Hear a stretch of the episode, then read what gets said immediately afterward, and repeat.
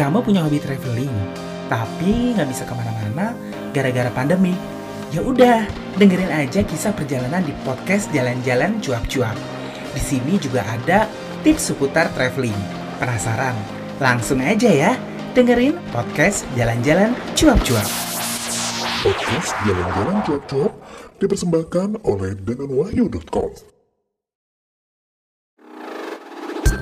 Sebentar lagi Anda akan menyaksikan podcast Jalan-Jalan Cuap-Cuap yang dipersembahkan oleh dananwahyu.com.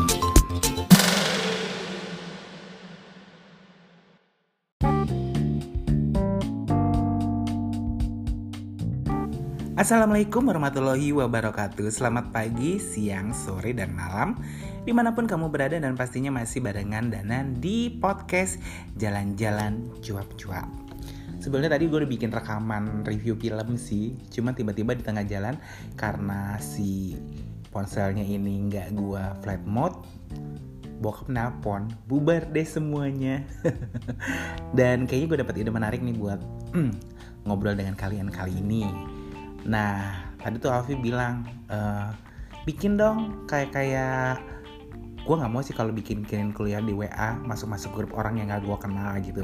Tapi kalau lewat podcast podcast seperti ini, gue rekaman dan gue mau sharing podcast, is oke okay aja sih.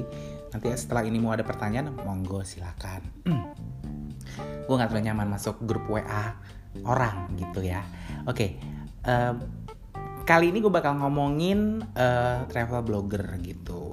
Jadi mungkin akan berbagi lah. Gue juga bukan travel blogger yang gimana-gimana sih, tapi uh, paling tidak pengalaman gue 9 tahun ini, uh 9 tahun ya menjadi travel blogger itu seru lah banyak naik dan banyak turunnya gitu.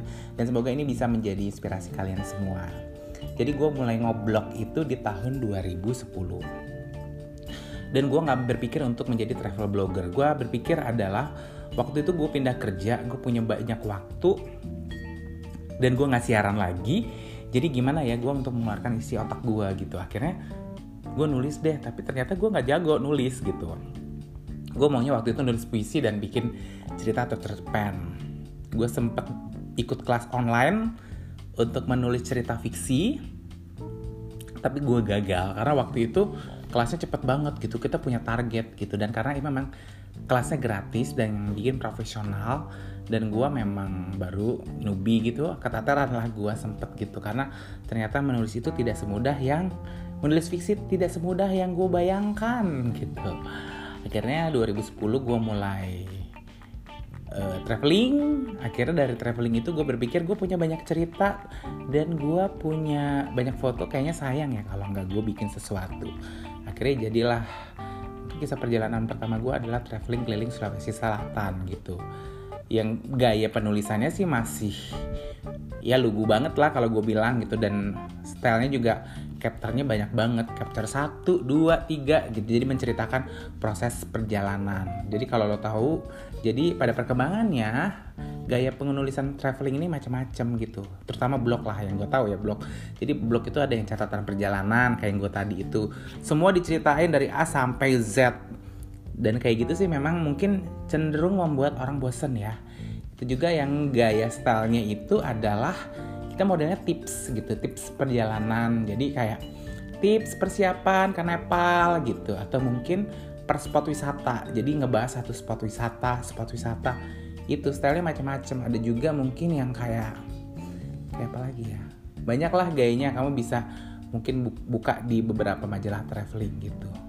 Nah akhirnya gue gayanya juga catatan perjalanan. Dan ini juga melalui satu proses. Jadi nggak yang gue tau bisa nulis itu enggak gitu. Jadi gue nulis nggak ada titik koma. Gue bilang ini gimana ya kalau nggak ada titik koma? Akhirnya gue belajar lah gitu. Nah itu di 2010 2011 gue juga masih tetap belajar gitu ya. Dan memperbaiki lah pokoknya yang namanya gue juga sempat ikut beberapa komunitas uh, penulisan gitu. Jadi ada waktu itu kayak kayaknya majalah online atau apa gitu. Jadi majalah online ini adalah majalah online wisata. Dan sebenarnya majalah online ini bukan komersil jadi untuk komunitas. Jadi nanti yang tulisannya bagus tuh dimuat dipublish dalam bentuk PDF Nah gue tuh waktu itu rasanya senang banget ketika uh, uh, tulisan gue itu diterima gitu. Excited lah gitu. Jadi lo bayangin gue bukan lulusan sekolah sosial gitu berhubungan dengan atau penulisan atau komunikasi. Jangan berpikir gue jago ngomong gini gitu. Kalian berpikir oh uh, Danan dulu kuliahnya komunikasi enggak. Aku latar belakangnya murni teknikal yaitu teknik elektro. Kemudian tertariklah dengan dunia broadcaster kemudian tertariknya dengan menulis akhirnya lah gitu belajar.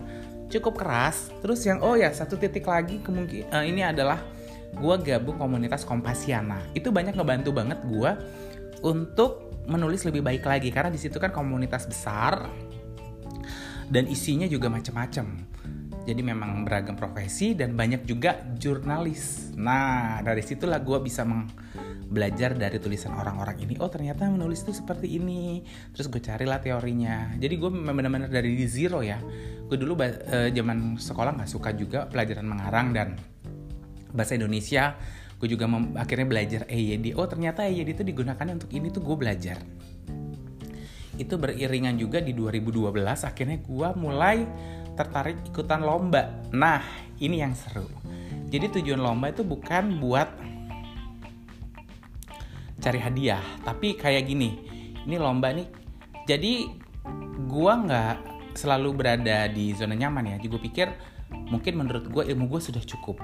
Tapi orang kan punya barometer dan di atas langit masih ada langit ya gitu. Nah gue pengen tahu aja sebenarnya beneran nggak sih gue ini?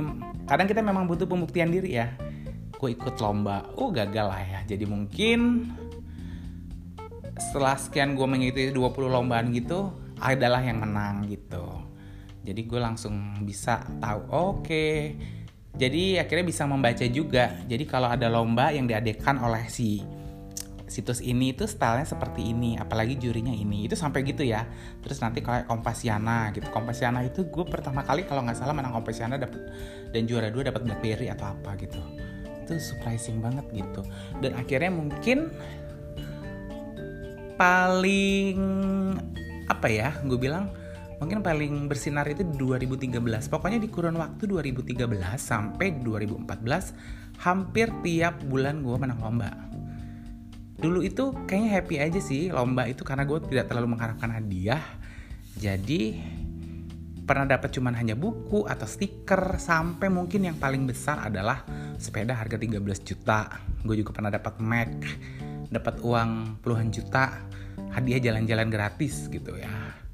Nah jadi lagi gue eksis-eksisnya nih di 2014 gitu gue senang-senangnya traveling senang-senangnya ngeblog senang-senangnya nulis dan itu gue juga lagi belajar fotografi. Des gue dipindah ke Batam. Itu rasanya kayak lo tuh lagi punya banyak kesempatan tiba-tiba kesempatan lo ditutup gitu walaupun lo mesti yakin bahwa kita ini blogger ini global gitu nggak ada yang namanya kesempatan tertutup mungkin ada yang namanya blogger daerah, blogger Jakarta. Ada yang bilang, oh di Jakarta kesempatan itu lebih besar. No, di mana pun asal kamu konsisten dengan apa yang kamu lakukan, kesempatan itu uh, terbuka di luar sana gitu. Jadi itu tadi ya. Jadi oh ya dan karena memang gue ngeblok itu bukan untuk duit gue tidak ngerti yang namanya itu adsense itu apa. Memang sih dulu sebelum di 2010 gue pernah lah jadi grafik eh grafik designer dan web designer. Jadi sempet lah bikin tahu cara membuat website mendesain gitu ya. Bahkan uh, mewujudkan keinginan-keinginan beberapa klien aku pengen di Google nomor sekian sekian sekian sekian gitu. Dengan beberapa aplikasi dan beberapa trik. Tapi itu nggak gue terapin karena memang gue tuh goalnya adalah gue bisa belajar nulis. Anyway.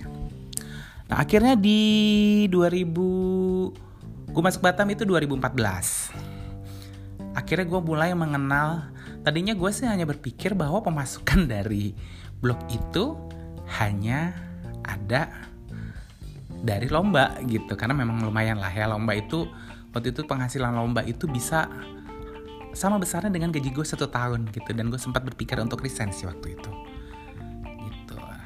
Akhirnya di 2014 ketemu dia dengan komunitas-komunitas baru blogger kepri Tehlina yang membuka pikiran gue bahwa oh ternyata blog lo dengan DA sekian itu bisa menghasilkan uang sekian. Jadi gue diperkenalkan pertama kali untuk menjual link ke salah satu marketplace. Gue gak akan ngomong ya marketplace-nya apa. Jadi waktu itu marketplace ini cara untuk menaikkan rating dia di Google adalah dia menggandeng beberapa blogger terus dia menitipkan link gitu. Jadi kalau gue nih nulis traveling ada kata kata sepatu nah itu nanti ditautkan dengan salah satu produk dari mereka Nah dari situ pasti kan mereka akan gedong kerak ya.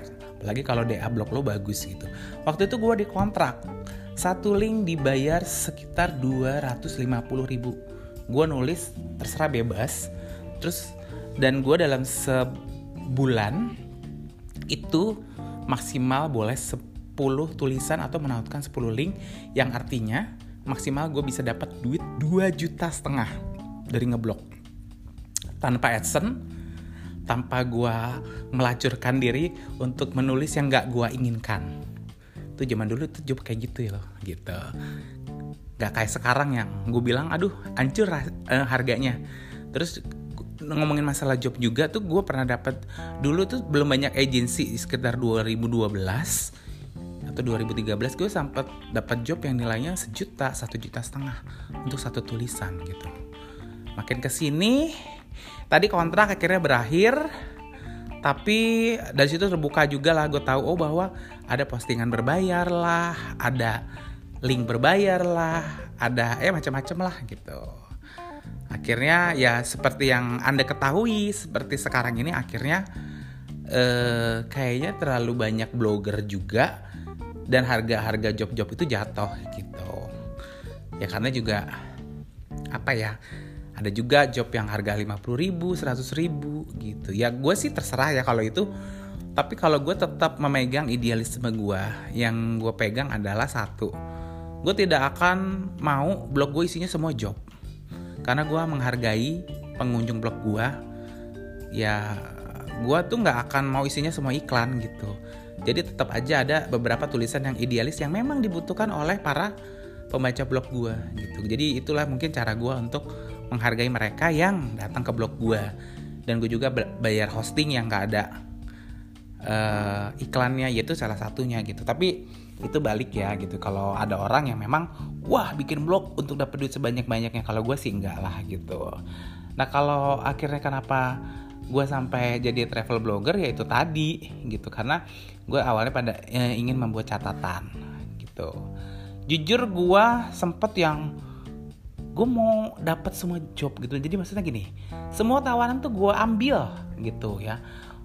Gitu tanpa kadang-kadang menghiraukan tampilan nih. Nah ini nih gitu. Jadi kita jadi serakahan gitu. Jadi karena banyak job akhirnya tuh tapi sampai di titik tertentu akhirnya gue tuh berpikir bahwa uh, nyokap sih yang kayak me mengingatkan dan mereminder gitu nggak semua pekerjaan tuh lo harus ambil gitu. Jadi semua farm trip undangan itu gue datengin gitu. Sampai gue tuh kayak nggak punya waktu dan gue harus cuti gitu ya untuk keluar kota dan sebagainya. Nah akhirnya pada satu titik jenuh dong gue. Gue hanya menulis dan gue hanya foto terus gue terima job sebanyak banyaknya oke gue dapet duit segala macem. Tapi tuh ngerasa bahwa uh, sisi kreatif gue ada yang berkurang gitu. Nah udah. Mulai dari situ akhirnya gue belajar lah bikin video vlog dan sebagainya.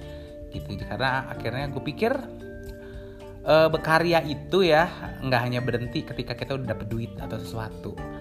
Gitu. Karena gue sih ya melakukan yang gue seneng aja jadi gue kan punya pekerjaan yang berbeda dengan dunia blog inilah dunia kreatif ini gitu jadi gue mencari keseimbangan nih di ngeblok-ngeblok ini dan sekarang tuntutan blogger itu lo nggak mesti hanya jago nulis, tapi lo dituntut juga sebagai seorang influencer. Cukup berat sih gitu. Bagi gue pribadi itu cukup berat gitu, apalagi dengan beberapa pekerjaan atau job jujur-jujuran ya buka-bukaan ini. Kayak media sosial yang gue setiap jam berapa harus posting gitu. Gue sempat sih ngambil job-job kayak Instagram kayak Twitter kayak Facebook yang harus posting. Dan gue rasa itu bukan gue banget gitu. Karena gue berpikir bahwa job-job kayak gini itu nggak nggak bisa sinkron dengan pekerjaan gue yang kadang-kadang harus di lapangan nah nggak ada sinyal gitu. Jadi ya gue sekarang sih hanya fokus ngeblog ngevlog dan gue juga uh, menulis lah di beberapa majalah gitu aja sih sekarang gitu. Dan itu juga nggak semuanya gue ambil. Karena analoginya gini gue punya dua tangan dan gue punya lima jari. Kalau semuanya mau gue ambil pada akhirnya nih semuanya nanti akan keluar gitu. Maksudnya akan jatuh gitu. Nah kalau kayak gini kan pada akhirnya kita nggak tahu yang jatuh ini apa yang baik buat kita apa yang bukan buat kita. Jadi ya udah gue pilih yang terbaik buat gue gitu yang kira-kira nantinya pada akhirnya juga akan mengembangkan diri ya. Jadi kalau sekarang tuh lebih kayak gitu. Apalagi sekarang nemu nih sesuatu baru lagi podcast. It's nice gitu podcast seru gitu. Jadi cerita lagi nih gue juga pernah mainan podcast. Dulu tuh karena gue kangen siaran tapi kalau zaman dulu kan podcastnya itu servernya itu nggak gratis terbayar berbayar gitu jadi terbatas nah sekarang begitu ketemu aplikasi ini ya udah gitu Dan kalau kamu memang benar-benar ini menjadi seorang travel blogger, mungkin banyak yang bilang, iya enak ya travel blogger jalan-jalan terus dan nulis-nulis terus. Apalagi kalau udah terkenal tuh banyak undangan, banyak gratisan, banyak endorse. No. Jadi untuk menjadi seorang travel blogger yang mungkin bisa untuk hidup. Jadi gue cerita aja nih. Jadi gue gabunglah di komunitas travel blogger Indonesia. Banyak teman-teman gue yang full time travel blogger gitu dan kalau lo lihat tuh eh, mereka itu jangan lo pikir asik-asik santai-santai aja jadi ternyata beberapa dari mereka itu yang jam tidurnya kurang jadi mereka tuh harus punya target jadi gini gue resign dari tempat kerja gue maunya gaji gue sekitar seribu gitu. Nah gimana caranya? Gue harus bisa menghasilkan seribu agar gue bisa tetap hidup dari blog gue rasa kalau cuman dari blog sekarang nggak nggak terlalu uh, bisa hidup lah ya gitu. Gue rasa nih tapi kamu perlu supporting aktivitas lainnya atau profesi lainnya seperti jadi influencer jadi fotografer atau mungkin juga jadi videografer gitu karena kalau murni cuman ngandelin blog kayaknya zaman sekarang agak susah gitu dengan job-job yang hancur seperti ini nah masalah job gue punya prinsip ya gue punya prinsip tapi ini prinsip kita bisa beda gitu. Jadi gue tidak akan mengambil semua job. Tapi gue akan pilih-pilih. Bukannya gue sombong, bukannya gue congkak. Tapi pilih-pilih ini yang akan memposisikan lo nanti di mana gitu. Klien itu akan tahu kalau lo itu punya kualitas gitu. Lo punya punya maksudnya gini. Mereka akan tetap kejar lo buat kasih job kalau tahu kualitas lo bagus gitu. Dan memang sih untuk sampai di titik itu lo harus punya effort yang lebih besar lagi dibandingkan teman-teman sesama blogger lo dan mungkin kadang itu harus dibayar lo dengan kurang tidur, lo ikut banyak lomba gitu. Tapi pada akhirnya lo akan tahu positioning lo tuh di mana gitu. Gue pribadi gue lebih baik menjadi blogger yang sejutaan daripada yang seratus ribuan gitu. Ya itu pilihan sih gitu. Lo akan memposisikan lo di mana gitu. Dan kalau lo mau yang uh, posisinya bagus ya udah memang malu harus banyak kerja keras. Jadi gue just gambaran aja ada satu travel blogger teman gue semi artis sih sebenarnya. Jadi asal kalian tahu jadi dia resign lah dulu. Eh bukan artis lah ya anchor lah anchor TV penyiar gitu. Dari TV swasta yang cukup besar akhirnya dia memutuskan untuk fokus pada awalnya dia ngeblok gitu. Jadi dia punya target jadi pengen jadi travel writer jadi setiap hari dia bangun jam 3 dia nulis gitu. Karena kalau lo sebagai lo tahu itu kalau kita mau nulis di majalah itu bukan kalau kita bukan siapa-siapa itu kita nggak akan ditawarin job. Tapi kita bikin tulisan sebagus mungkin lo tawarin ke majalah A B C D E baru nanti dipilih. Kalau dan itu lo harus bersaing dengan uh, travel writer yang memang sudah eksis. Just info ya gue dulu jadi pernah jadi travel, uh, travel writer di satu majalah itu hanya dibayar kalau nggak salah 150 ribu. Gue nanya ini emang beneran segini kecil gini? Gue bilang gitu. Dan mereka cuma jawab gini e, karena lo belum terkenal lo belum punya buku jadi kita hanya membayar lo sekian. Tapi gue nggak masalah karena gue pikir itu yang gue harapkan tuh bukan duitnya tapi adalah exposure-nya. Jadi ketika lo nulis di majalah tuh level lo akan beda dengan blogger yang cuma nulis di blog gitu. Dan nama lo akan naik. Nah dari situ juga akhirnya gue nulis lah di beberapa majalah sempat jadi cover dan sebagainya gitu. Fotonya maksudnya bukan orangnya. Nah itu balik lagi. Nah teman gue ini juga gitu. Jadi dia mengawalinya gitu. Ya udah seperti itu. Jadi punya target dia masukin dia masukin dia masukin. Dan dia juga tidak menyangka bahwa pada akhirnya uh, dunia blog itu akan berkembang semasif ini menjadi bermetamorfosis ya kalau gue bilang itu jadi kayak influencer dan sebagainya. Teman gue ini memang orangnya perfeksionis. Dia juga latar belakang pendidikannya adalah seni. Jadi kalau lo tau lah gitu siapa anchor yang punya latar pendidikan seni ya akhirnya dia berkembang lah di situ setelah look juga dia bagus punya tes foto dan dia orangnya perfeksionis. Dia tidak akan uh, memposting foto yang enggak yang biasa aja. Pokoknya harus sesuatu yang yang terbaik gitu. Gue pernah jalan sekali atau dua kali sama dia. Dia bekerja keras.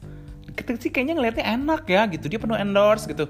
Diundang ke negara-negara mana enggak. Gue jalan sama dia dan dia itu setiap hari bangun jam 5 dan ketika dia bangun jam 5 itu sudah full make up loh gitu karena dia pengen tuh semua oke okay di kamera. We'll see. Jadi jangan melihat uh, semuanya akan semudah itu teman gitu. Apalagi ah enak ya jadi udahlah gue nggak muluk-muluk deh. Gue yang penting dapat job uh, eh, 100 ribuan aja. Yang penting banyak. Ya terserah sih.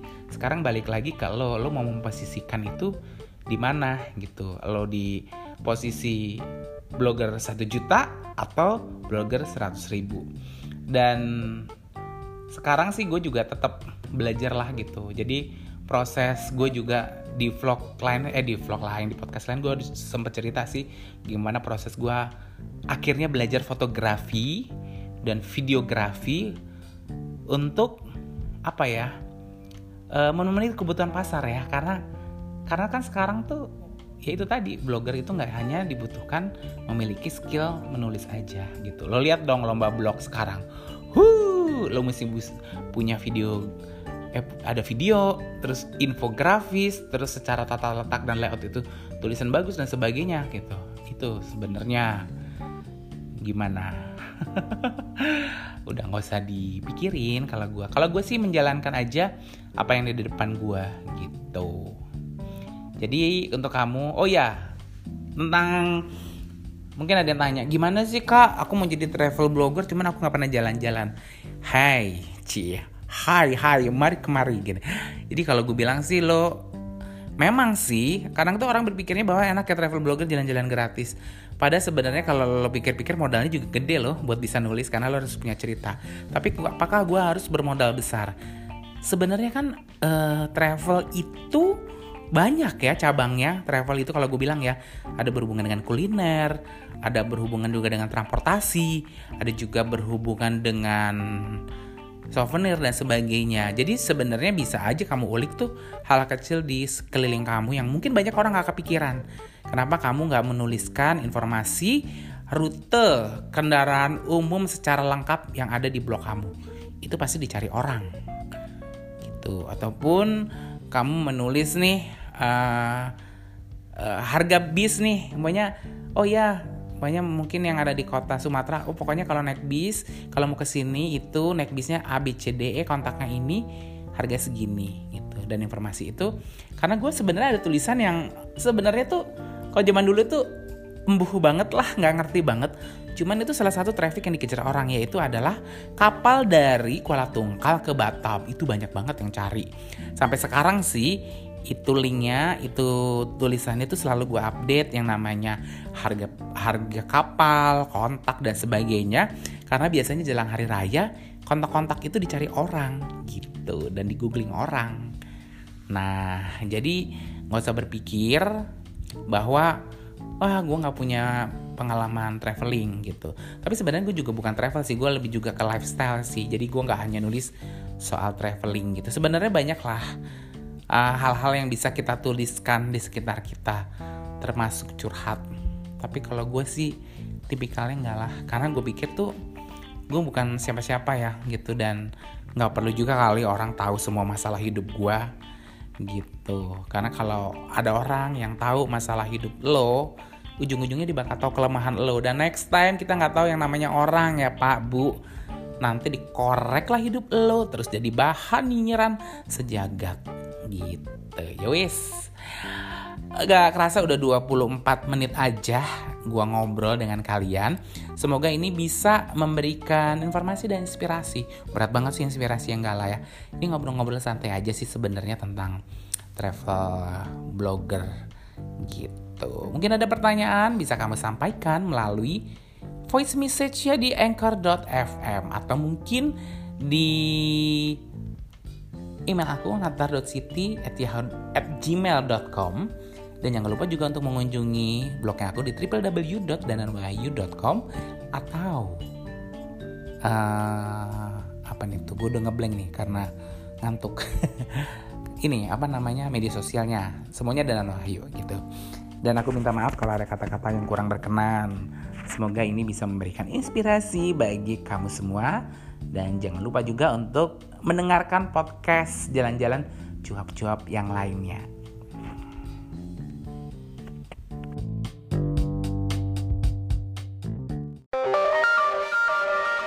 Kamu punya masalah, tapi tidak tahu ingin bercerita kepada siapa.